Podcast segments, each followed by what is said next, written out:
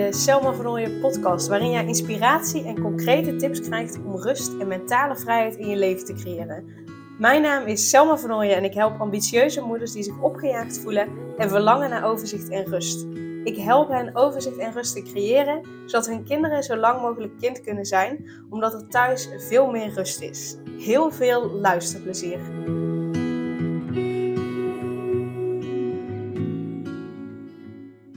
Hey, wat tof dat je weer luistert naar een nieuwe aflevering van de Selma van podcast.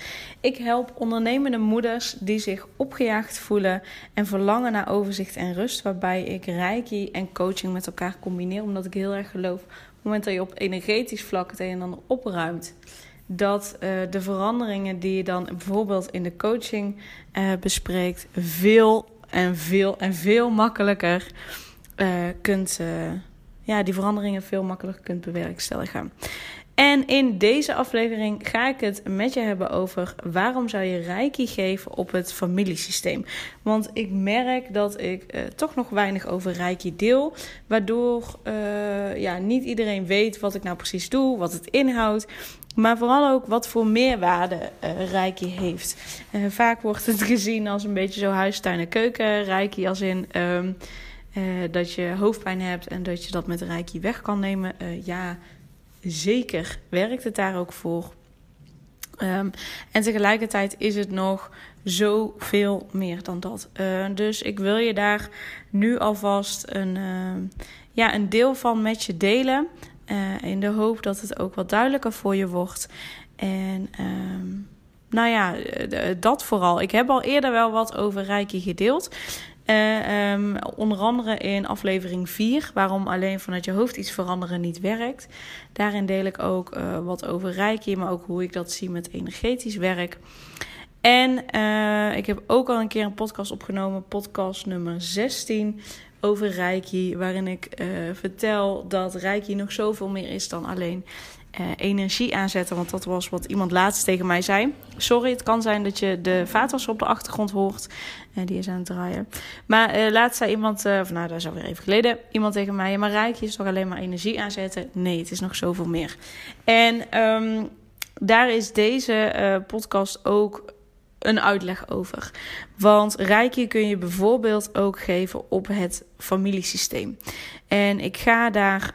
Um, wat over delen, dus in deze podcast.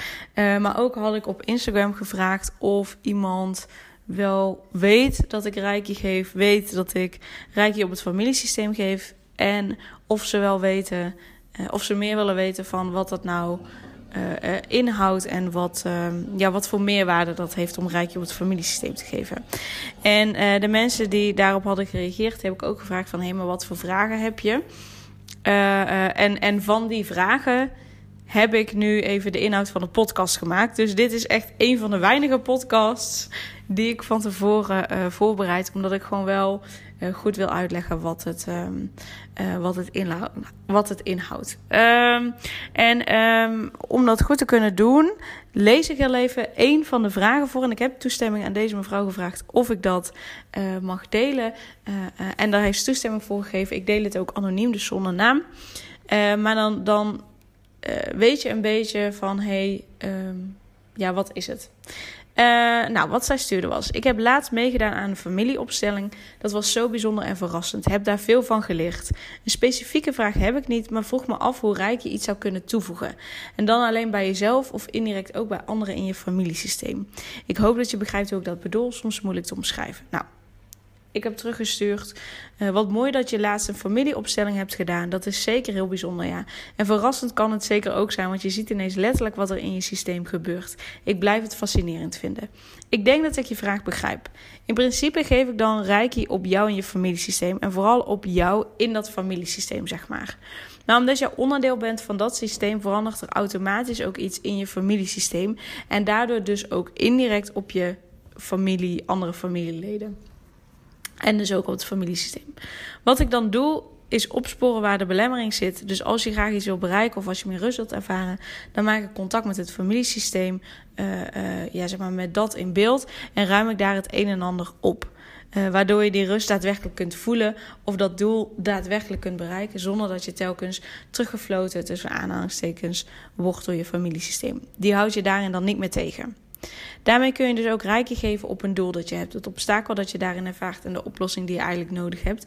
Maar waar je nog niet bij komt. Ehm, zodat als je dan rijkje geeft, dat obstakel je niet meer tegenhoudt. En je dus je doel kunt bereiken. Dat valt ook uh, in ieder geval onder rijkje, maar een klein beetje onder rijkje geven op het familiesysteem. En um, dus dat alvast een stukje over rijkje op het familiesysteem, maar ook rijkje op, op uh, ja, je doel, zeg maar, en het bereiken van je doel. Met name ook daarin de obstakels weghalen. Uh, maar om straks uh, um, ook nog uit te kunnen leggen van wat, wat doet Rijkje dan, uh, leg ik je eerst even uit van wat is systemisch werken en wat, um, ja, wat houdt dat in en wat houdt familieopstellingen in.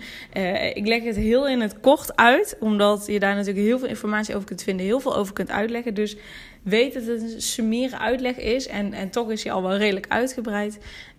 Um, maar op, op internet kun je uiteraard heel veel informatie vinden. Maar dan heb je een beetje een idee, mocht je hier helemaal niet in thuis zijn, wat het, wat het inhoudt. En het staat ook nog echt bovenaan op mijn verlanglijstje om een opleiding tot uh, familieopsteller uh, te doen. Dus uh, nou, dat komt er hopelijk ook nog aan. Maar ik ben vaak met zoveel dingen bezig. en ik wil zoveel dingen dat dat. Um, ja, dat dat nog heel even op zich laat wachten. Maar ook dat gaat dus ook nog in de toekomst gebeuren. En ik weet nog niet helemaal precies bij welke opleider ik het wil doen.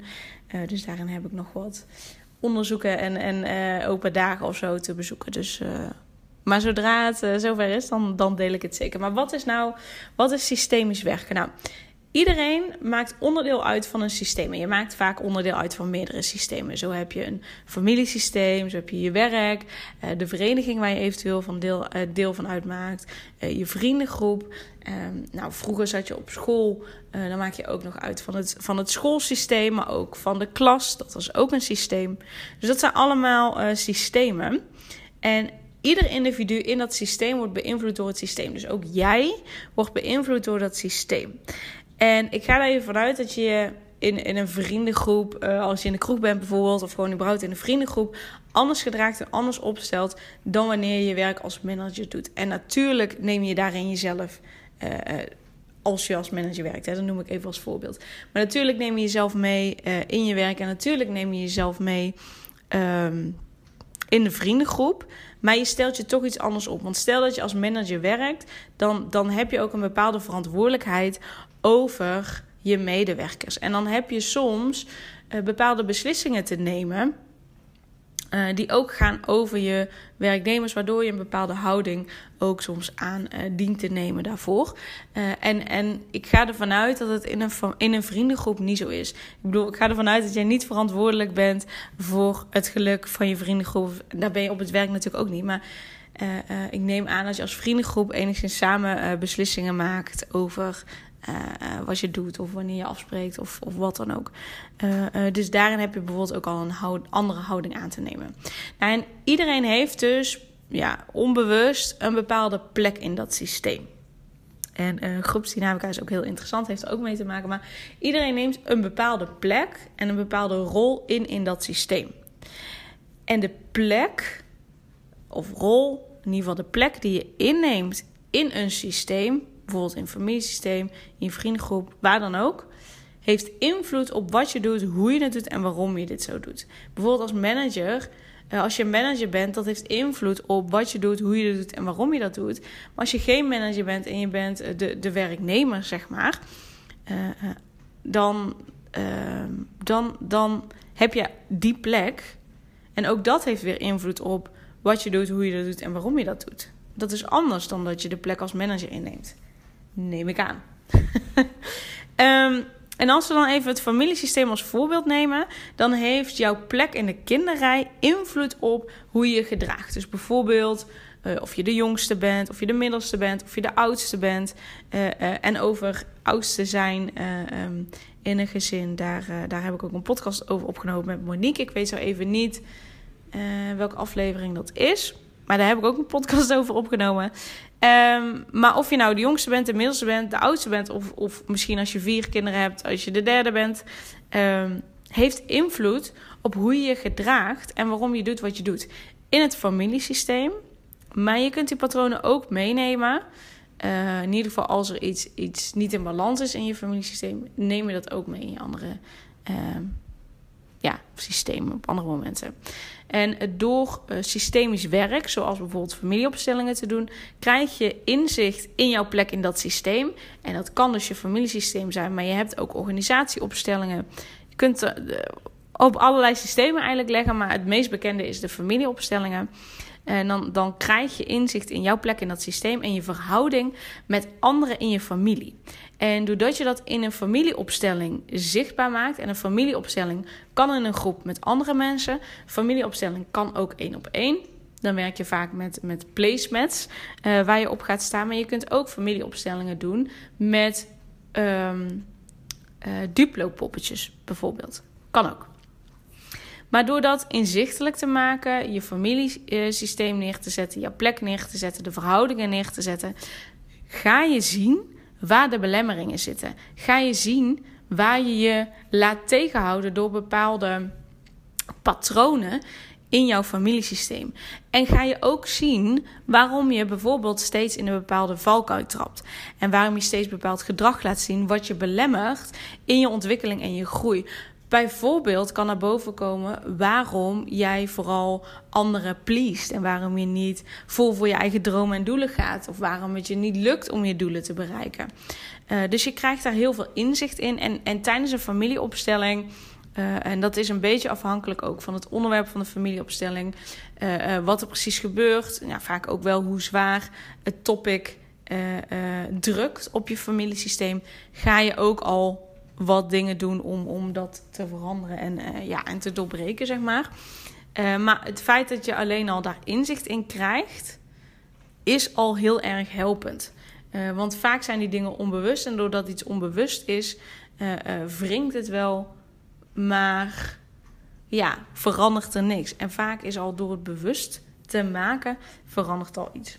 En uh, vaak zie je ook dat bepaalde patronen steeds terugkomen in een familie. Dat er uh, van generatie op generatie bijvoorbeeld mishandelingen zijn of misbruik zijn. Ook al uh, hebben mensen bijvoorbeeld zelf misbruik vroeger meegemaakt. en weten ze hoe vreselijk het is, bestaat best wel eens een flinke kans dat die persoon zelf ook anderen gaat misbruiken, omdat daar een bepaald patroon in zit. Zeker als dat in de familie bijvoorbeeld voorkomt. Uh, maar wat je vaak bijvoorbeeld ziet, als jij uh, best wel uh, pleased, best wel een pleaser bent, dan, dan kan het ook zijn dat je moeder een pleaser was en haar moeder ook. En dat dat soort patronen terugkomt. Maar bijvoorbeeld ook geheimen die spelen.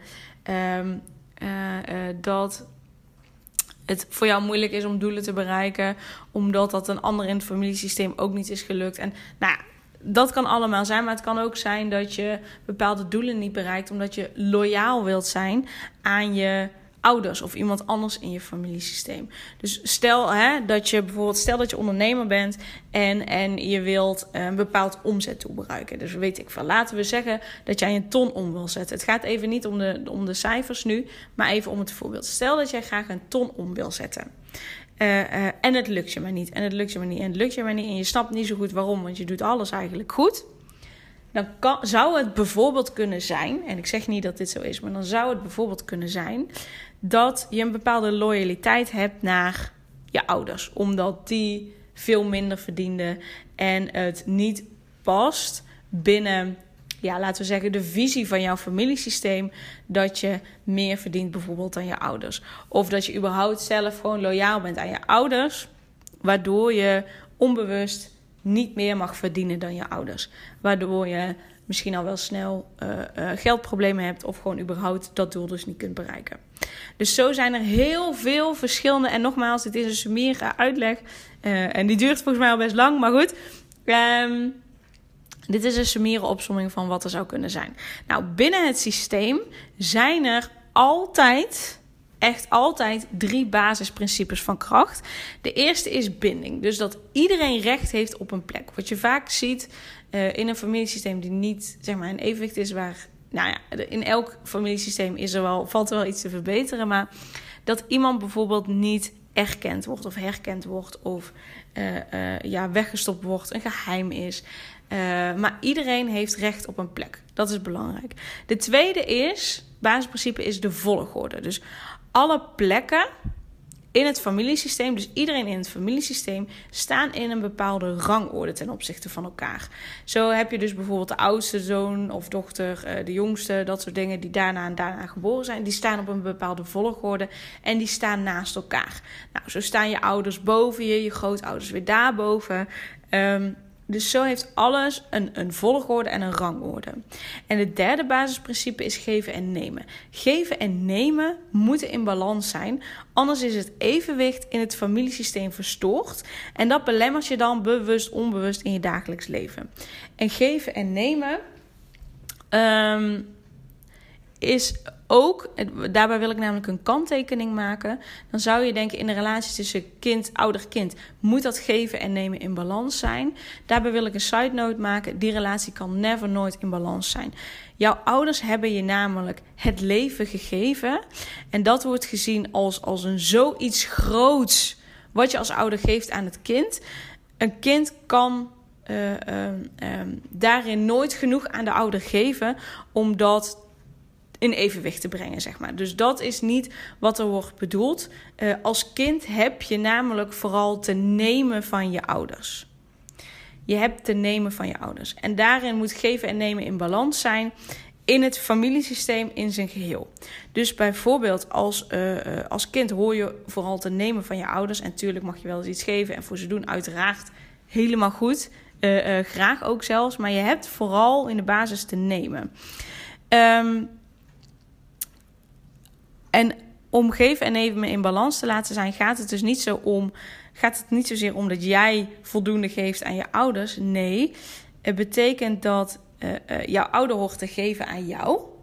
En jij hoort te nemen. Dat, dat hoort in balans te zijn. Maar op het moment dat jouw ouder iemand is die juist net van jou neemt. Dus jouw aandacht claimt, jou nodig heeft. Um, en dan dat is even los van als je ouders oud zijn en hulp nodig hebben. Dat is even iets heel anders. Maar gewoon als jullie alle twee gezond zijn, uh, alle twee volwassen zijn bijvoorbeeld, of jij bent nog kind en je ouder is volwassen. Als je ouder van jou neemt, dan als je kijkt naar het familiesysteem, kun jij eigenlijk niet meer nemen. Want het geven en nemen in het systeem moet balans, in balans zijn. Dus word jij ja, min of meer gedwongen om te gaan geven, zodat in het familiesysteem het geven en nemen in balans is. Dus ik hoop dat je deze uh, uh, ja, kunt pakken, zeg maar. Dat je deze begrijpt wat ik daarmee bedoel. Dus het gaat niet zozeer om in één relatie, dus tussen je ouders, tussen jou en je ouder, het geven en nemen in balans is. Nee, ja, ja, eigenlijk wel. Maar vooral dat het in het systeem, in het gehele familiesysteem, in evenwicht is. Dus als je ouder flink gaat nemen van jou dan is het geven en nemen niet in balans. Dan word je eigenlijk gedwongen om te geven. Op het moment dat jij dat niet doet, zeg maar. Hè, dat jij uh, uh, um, ja, daarvan weggaat. Dan, dan kan het zijn dat uh, je daarmee je ouder weer op de eigen plek geeft. En dat die dan weer gaat geven. En dat op die manier het evenwicht verstoord wordt. Zoals het dus hoort te zijn. Je ouder hoort te geven aan jou. Maar het kan ook zijn uh, als bijvoorbeeld je broertje of zusje niet helemaal op zijn of haar plek staat, dat die vooral gaat geven om vervolgens in het totale systeem het evenwicht weer in balans te brengen. Of uh, dat je kinderen dat gaan doen. Op het moment dat jij daarin, um, ja, hoe moet ik het zeggen? Op het moment dat jij, um, ja, het, het zeg maar negeert uh, ja, wauw, oké. Ik vind het nog niet zo makkelijk om dit stukje uit te leggen. Maar stel dat, dat jouw ouder vooral van jou wil nemen, maar jij negeert dat en, en, en je doet bozig en dat soort dingen. Dus je gaat er heel hard tegen in en je gaat eigenlijk zeg maar met een vechtersenergie daarin. Dan is er geen evenwicht en dan kan het zijn dus dat je kind dat over gaat nemen of dat je broer zus dat over gaat nemen. Maar op het moment dat jij daar op een adequate manier mee omgaat, of op het moment dat je een familie, familieopstelling gaat doen, dan uh, uh, ga je het evenwicht weer verstoren. Waardoor je je ouder op je eigen plek zet, waardoor die weer gaat geven, waardoor jij kunt nemen van je ouder, en waardoor je kinderen of je broers of zussen ook weer een eigen ding kunnen gaan doen. Wauw, ik hoop echt oprecht dat dit duidelijk uitgelegd is, want ik merk dat ik het soms lastig vind om uit te leggen. Dus sorry als het niet duidelijk is, maar neem dan even contact met me op, zodat ik het je verder kan verduidelijken. Nou, als een van de basisprincipes die ik dus net noemde, hè, dat de binding, volgorde en geven en nemen. Als een van die basisprincipes uh, verstoord raakt binnen dat systeem, dan ontstaan er dynamieken, zoals ze dat noemen binnen het systeem. En ja, je kunt dat ook zien als, ja, dan ontstaan er problemen die het familiesysteem, of die jij misschien nog niet direct als probleem ervaart, maar later wel. Uh, in je dagelijks leven bijvoorbeeld. Nou, en dan kan bijvoorbeeld gebeuren als iemand uh, zijn of haar plek niet inneemt. Hè? Wat ik net zei, bijvoorbeeld als een ouder zich niet als ouder van het kind gedraagt, maar dat juist het kind de ouder wordt van de ouder. Dus, uh, en dat kan vaak ook onbewust gebeuren, hè? dat een ouder ziek wordt, waardoor die dat uh, niet zo goed kan op dat moment, waardoor het kind voor de ouder gaat zorgen en ook dan. Um, ja, dan, dan, dan wordt het kind de ouder en de ouder het kind. Dan ontstaat er dus een dynamiek. Dat is een dynamiek. Dus dat het kind de ouder is en het ouder de kind is. Um, en die dynamiek is bedoeld om het evenwicht in het systeem te herstellen. Want wat echt het allerbelangrijkste is binnen een systeem, is dat er evenwicht is. Dus um, op het moment dat een ouder fysiek of mentaal niet in staat is om de ouder van het kind te zijn, dan om het evenwicht te herstellen, is er iemand in het familiesysteem die die ouderrol op zich gaat nemen. En vaak zijn dat de kinderen die dat gaan doen. Um, een ander voorbeeld van dynamiek is dat iemand de last voor een ander gaat dragen binnen het systeem. Um, en uh, uh, wat je bijvoorbeeld ook wel eens ziet, is dat de uh, de oudste uh, hoort eigenlijk ja, zeg maar van de kinderen de grootste verantwoordelijkheid te gedragen. Uh, te dragen, omdat die al het langste in het gezin is en al het langste um, um, ja, de, de liefde van de ouders heeft kunnen krijgen.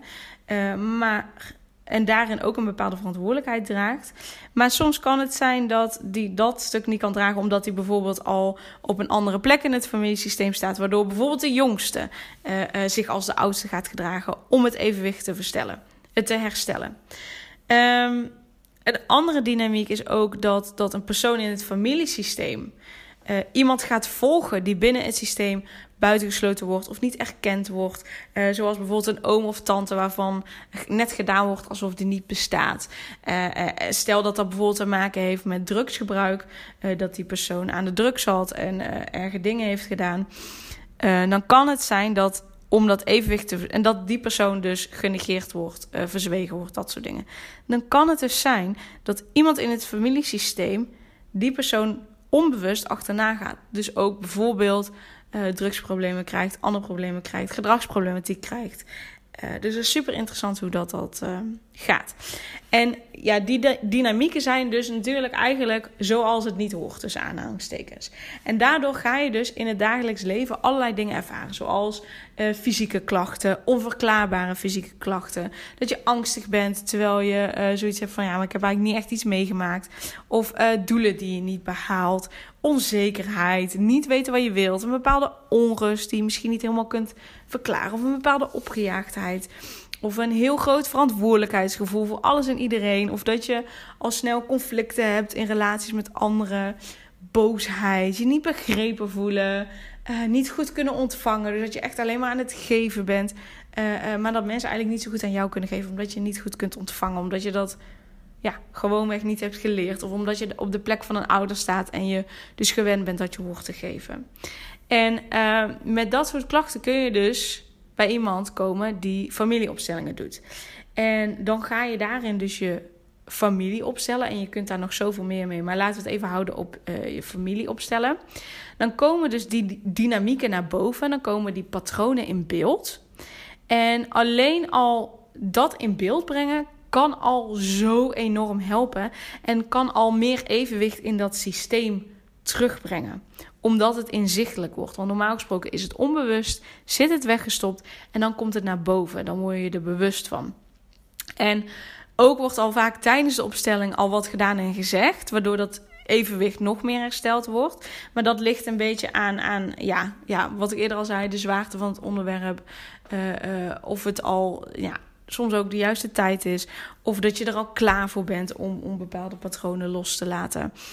Um, dus daar heeft het ook uh, mee te maken. Maar op het moment dat dat evenwicht hersteld wordt, gaat de energie weer stromen in het systeem. Dan gaat het weer goed stromen en daardoor ontstaat er rust. Dus dat even heel in het kort over het familiesysteem en familieopstellingen. Um, en um, ik raad je eigenlijk nog het meeste aan om familieopstellingen te combineren met Reiki. Of in ieder geval Reiki te combineren met familieopstellingen. Zodat je zelf ook die dynamieken ziet en daar bewust van wordt. En op die manier uh, dat evenwicht kunt herstellen. Maar Reiki, Reiki geven op het familiesysteem, daarmee kun je de rust ook uh, uh, herstellen. Op energetisch niveau kan ik dus, als ik de Reiki geef op afstand, kan ik de blokkade uh, die in het familiesysteem zit, kan ik voelen. En, en kan ik uh, ja, opruimen, weghalen, verkleinen, hoe je het ook wil noemen. Uh, zodat die blokkade je niet meer belemmert in je dagelijks leven. En daardoor komt er ook weer meer rust in het familiesysteem. Wordt het evenwicht hersteld. En kun je weer door. En kun je jouw doelen behalen. En laat je je niet meer zo tegenhouden. Um, dus het effect wat je in de familieopstellingen hebt. Um, kun je ook met Reiki bereiken. En ik vind het juist net een mooie combinatie om en een familieopstelling te doen en Reiki te geven. En dus daarom wil ik dus ook een opleiding uh, tot familieopstellen doen. Uh, uh, zodat ik die combinatie kan gaan geven. Zodat ik eerst familieopstelling kan doen en dan bijvoorbeeld een week later of twee weken later ook nog de rijkje erop geven, zodat het nog extra versterkt wordt, zodat het evenwicht uh, nog meer uh, uh, ja, teruggebracht wordt, zodat die rust nog verder versterkt wordt, zodat je niet iedere keer een familieopstelling hoeft te doen, maar dat je de familieopstelling doet, de patronen komen in beeld, patronen worden duidelijk, nou je doet een aantal dingen waardoor het evenwicht hersteld wordt. En dan gooi je er eigenlijk nog eens een dosis extra energie en rust overheen, waardoor het nog verder verstevigt. Uh, dus daarom zie ik het echt als een, een hele mooie combinatie. Maar ook al doe je dat niet, weet je, dan nog uh, helpt Reiki om rust te brengen in het familiesysteem.